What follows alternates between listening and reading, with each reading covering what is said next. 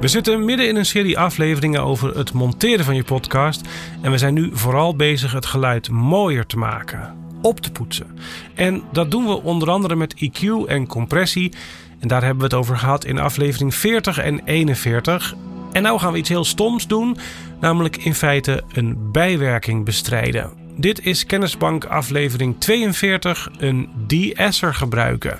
Ik ben Hajo Magree is Tussen de Oren, de podcast over podcasting van NAP1.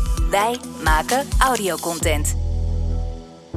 In aflevering 41 heb ik je uitgelegd dat we werken aan verstaanbaarheid van gesproken woord door compressie toe te passen. En dat we met compressie de zachte delen van een stem, de zachte letters of klanken zou je kunnen zeggen, iets harder kunnen maken. Bijvoorbeeld de K's en de D's en de N'etjes.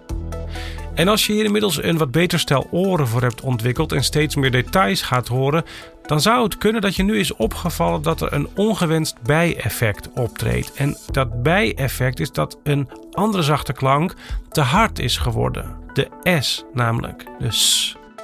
Op de een of andere manier leidt het toepassen van compressie ertoe dat S'jes al heel snel tamelijk schril en onplezierig voor de oren gaan klinken. Nou, een manier om dat te voorkomen is natuurlijk gewoon geen compressie toepassen. Maar dat wilden we nou juist eigenlijk wel doen omwille van de verstaanbaarheid. En bovendien hebben sommige mensen gewoon zo'n soort schril esje van zichzelf.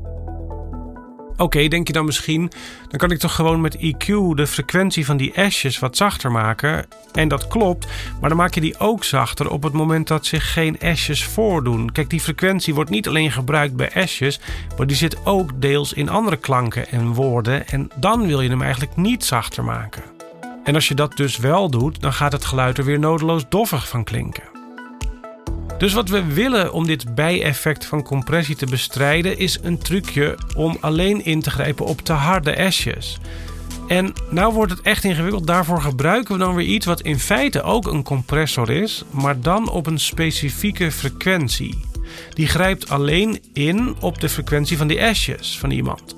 Als die boven een bepaalde waarde komen, dan gaan we ervan uit dat het waarschijnlijk zo'n te harde S is.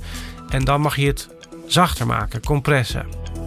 En hiervoor kun je inderdaad een frequentiespecifieke compressor gebruiken. Meestal noemen we dat een multibandcompressor.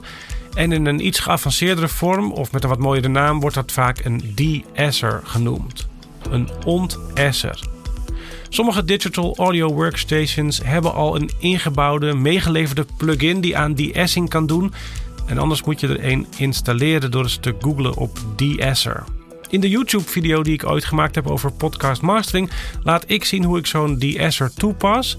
Niet van alle mensen zitten die S'jes op precies dezelfde frequentie, namelijk. De ene persoon misschien rond de 5000 hertz en de andere wat erboven of eronder. Dus je moet dit per persoon specifiek toepassen en instellen.